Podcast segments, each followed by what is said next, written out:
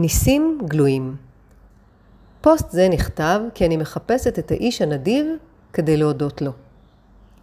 דליה חברתי התקשרה אליי לספר לי על מעשה שקרה להוריה הקשישים. ייבדלו לחיים ארוכים.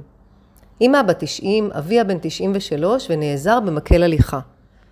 אחת לשלושה שבועות בערך, שניהם נוסעים באוטובוס לקניות בסופר, ועורכים קנייה גדולה בסכום מכובד, ומבקשים שהמצרכים יישלחו במשלוח עד הבית.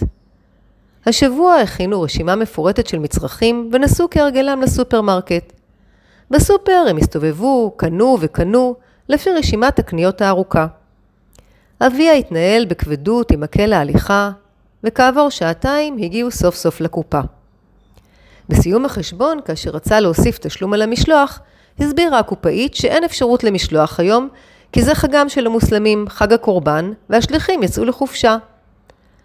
האבא היה נבוך, כעס. מה יעשה עכשיו עם כל המצרכים?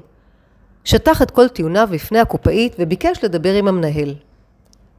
פתאום, מסוף התור, מישהו קרא. זה בסדר, הכל יהיה בסדר.